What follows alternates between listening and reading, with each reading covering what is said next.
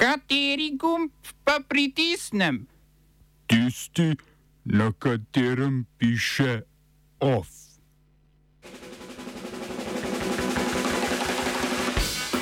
Na francoskih parlamentarnih volitvah Makronovo zavezništvo ostalo brez absolutne večine. V Kolumbiji izvolili Gustava Petra, prvega levičarskega predsednika v zgodovini. Nemčija o pomankanju zemljskega plina ponovno v zagon elektrarn na premog. Cenzura informativnega programa televizije med stavko zaposlenih na RTV Slovenija. V kreativni inšpekciji recikliranje z umetnico Meto Grgurevič.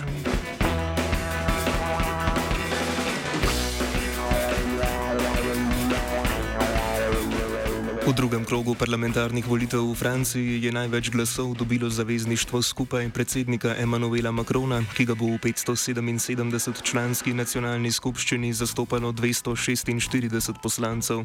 Macronovo zavezništvo je tako izgubilo absolutno večino. Levo zavezništvo NUPES Žana Luka Melanchona je usvojilo 142 poslanskih sedežev, s čimer bo najmočnejša opozicijska stranka. Skrajno desni nacionalni zbor Marine Le Pen pa 89. 81 več kot dosedaj. Desni republikanci, ki jih vodi Kristjan Žakob, bodo imeli v novem sklicu 64 poslancev in se, ker bo Macron po aprilski izvolitvi za drugi predsedniški mandat za sestavo vlade moral oblikovati koalicijo, kažejo kot najverjetnejši partner v njej. Volilna udeležba je bila 46 odstotna, kar je za odstotno točko manj kot v prvem krogu.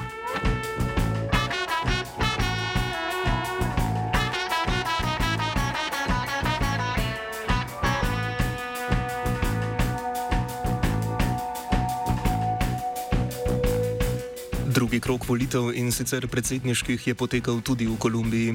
S 50 odstotki glasov je slavil Gustavo Petro, nekdani član gverilskega gibanja M19 in župan prestolnice Bogota.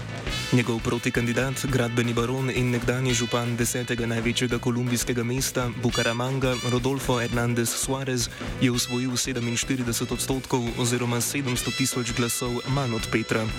Volilna udeležba je znašala 58 odstotkov, več kot v prvem prvem krogu, ko je volilo 54 odstotkov volilnih upravičencev. Dozdajšnji predsednik Ivan Duke na volitvah ni kandidiral, saj kolumbijska ustava dovoljuje opravljanje le enega predsedniškega mandata. Petro bo postal prvi levičarski predsednik v 200-letni zgodovini samostojnosti te južnoameriške države. Volilno kampanjo je gradil na obljubi zmanjševanja družbene neenakosti, to namerava doseči z uvedbo brezplačnega študija, izvedbo pokojninske reforme in visoko obdavčitvijo zemlje v nekmetijski rabi. Zauzemal se bo tudi za nadaljevanje izvajanja mirovnega sporazuma z revolucionarnimi oboroženimi silami Kolumbije, poznanimi pod kratico FARC, podpisanega leta 2016. Prvi izziv, ki po prevzemu funkcije čaka Petra, je oblikovanje široke koalicije v kongresu, ki ga sestavljajo predstavniki 12 strank.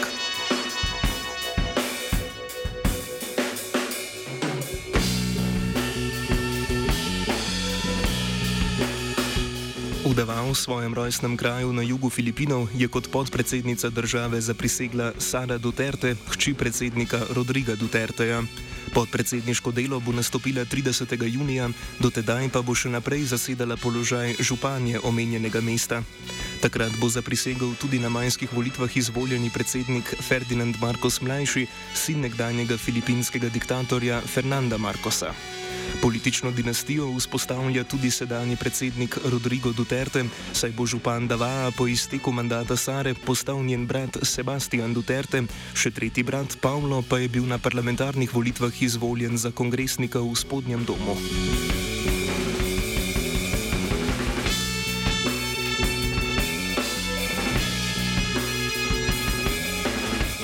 Sodišče v Osaki je odločilo, da prepoved istospolnih porok, ki je v veljavi na japonskem, ni neustavna. Presojo so vložili trije istospolni pari, ki so zahtevali tudi izplačilo 7000 evrov odškodnine, to pa je osaško sodišče zavrnilo. Ta odločitev je sicer v nasprotju z razsodbo sodišča v Saporu marca 2021, ki je prepoved istospolnih porok označilo za protiustavno. V obrazložitvi je takrat zapisano, da krši načelo enakosti. Trenutna japonska zakonodaja na področju partnerskih zvez, ki diskriminira istospolne pare, med drugim tem onemogoča dedovanje partnerjevega premoženja ali podelitev starševskih pravic. Vlada Tokijske prefekture je prejšnjo sredo sicer sprejela zakon, ki upeljuje zakonsko prepoznavo zvez med osebami LGBTIQ skupnosti. Od sredine oktobra dalje bodo lahko oddale vlogo za podelitev certifikata, ki dokazuje partnerski status, če eden izmed partnerjev živi, dela ali študira v prestolnici.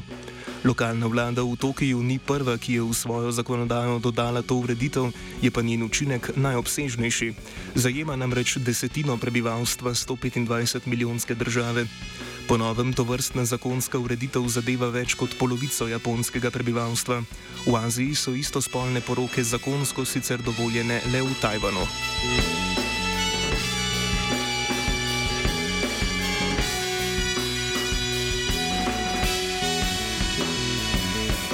Nemški minister za gospodarstvo in klimatske politike ter podpredsednik vlade Robert Habeck je napovedal omejitve porabe zemljskega plina za proizvodnjo elektrike. V ruskem podjetju Gazprom so prejšnji teden najavili, da zaradi, kot so zapisali, tehničnih težav zmanjšujejo svojo dobavo. Ta bo v Nemčiji zdaj preusmerjena v skladišča, ki so 57 odstotno zasedena, tam bodo plin hranili za zimo. Izpad proizvodnje električne energije bodo nadomeščali s povečano proizvodnjo elektrarn na premog, kar gre proti politiki zelenih stranke, član katere je Habek, ki je zahteval, da je v vladni koalicijski pogodbi zaveza za opustitev uporabe premoga v elektrarnah do leta 2030. Med ukrepi, ki bi zmanjšali porabo plina, Habek omenja tudi uvedbo zgornje meje ogrevanja v gospodinstvih in upeljavo aukcijskega modela za prodajo plina gospodarskim družbam.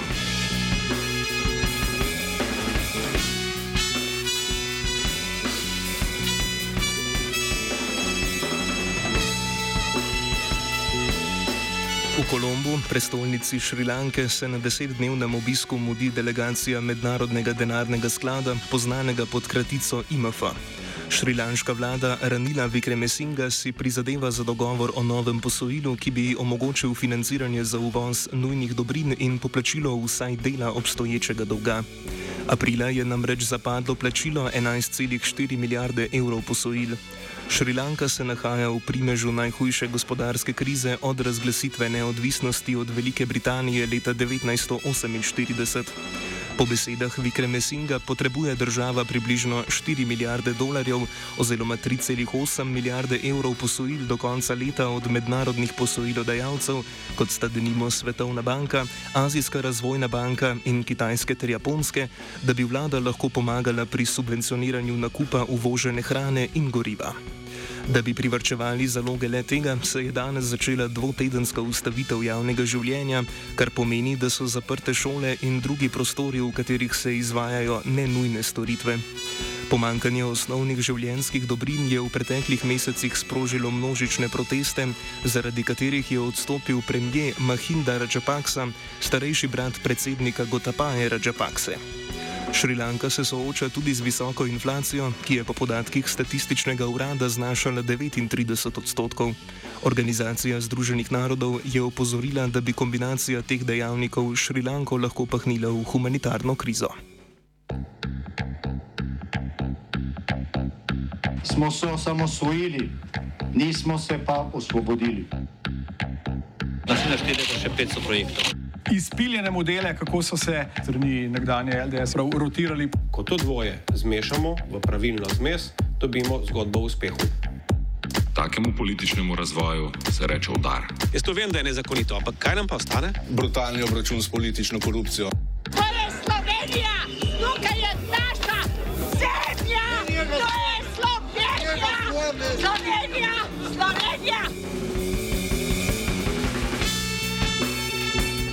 Pomankanjem pogonskih goriv pa se ne srečujejo le na Šrilanki, temveč je to pojav, ki smo mu zadnja dva dni priča tudi v Sloveniji. Včeraj je na nekaterih črpalkah zmanjkalo tako benzina kot dizla, vrste pred servisi Petrola in OMV-ja pa se vijajo še danes. S polnočjo bodo namreč v veljavo stopila nova pravila oblikovanja cen pogonskih goriv. Država bo na benzinskih servisih zunaj avtocest ponovno regulirala marže, na avtocestah pa bodo marže in cene sproščene. Na temo pomankanja goriv je danes na tiskovni konferenci spregovoril gospodarski minister Matjaš Han. Eno stvar bi rad povedal. Ko se pogovarjamo o nafti, gre za nek psihološki, psihološki učinek in tu vsi, bom rekel, se mal zmedemo in začnemo kalkulirati, ko se nekatere druge stvari dražijo, v bistvu smo celo imuni, kdaj pa kdaj. Koordinacija novinarskih sindikatov na RTV Slovenija je pred eno uro nadaljevala stavko, ki bo trajala do 23. ure. Med stavkovnimi zahtevami so novinarska, uredniška in institucionalna avtonomija, umik škodljivih sklepov programskega sveta ter odstop generalnega direktorja RTV Andreja Graha Watmoja, odgovorne urednice informativnega programa televizije Slovenija Jadranke Rebrnik, vede urednika uredništva za nove medije Igorja Pirkoviča in predsednika programskega sveta sveta Petra Gregorčiča. Govori Ksenja Horvat, članica in predstavnica sindikalne pogajalske skupine. Novinari informativnega programa Televizija Slovenija in novinari MMC-ja smo prišli danes zjutraj, uh, torej ob normalnem času v službo, z namenom, da uresničimo uh, torej stavkovni dan, tako kot smo si ga zastavili in po stavkovnih pravilih, kot jih je določil stavkovni odbor. Kar se nam je zgodilo, je to, da sta uh, torej generalni direktor televizije Sloven uh, RTV Slovenija in odgovorna urednica informativnega programa ustrajala, ustrajala, da bo danes program skra skrajšan, da bo tako dnevnik kot odmevi, uh, da bo to zgolj skrajšan program, uh, pet minut z enim voditeljem. Uh, sporočila sta nam tudi, da tednika danes tako, kot ga je pripravila ekipa tednika, ne bo in sta v tem smislu tudi prepovedala produkcijo oddaje Tednik.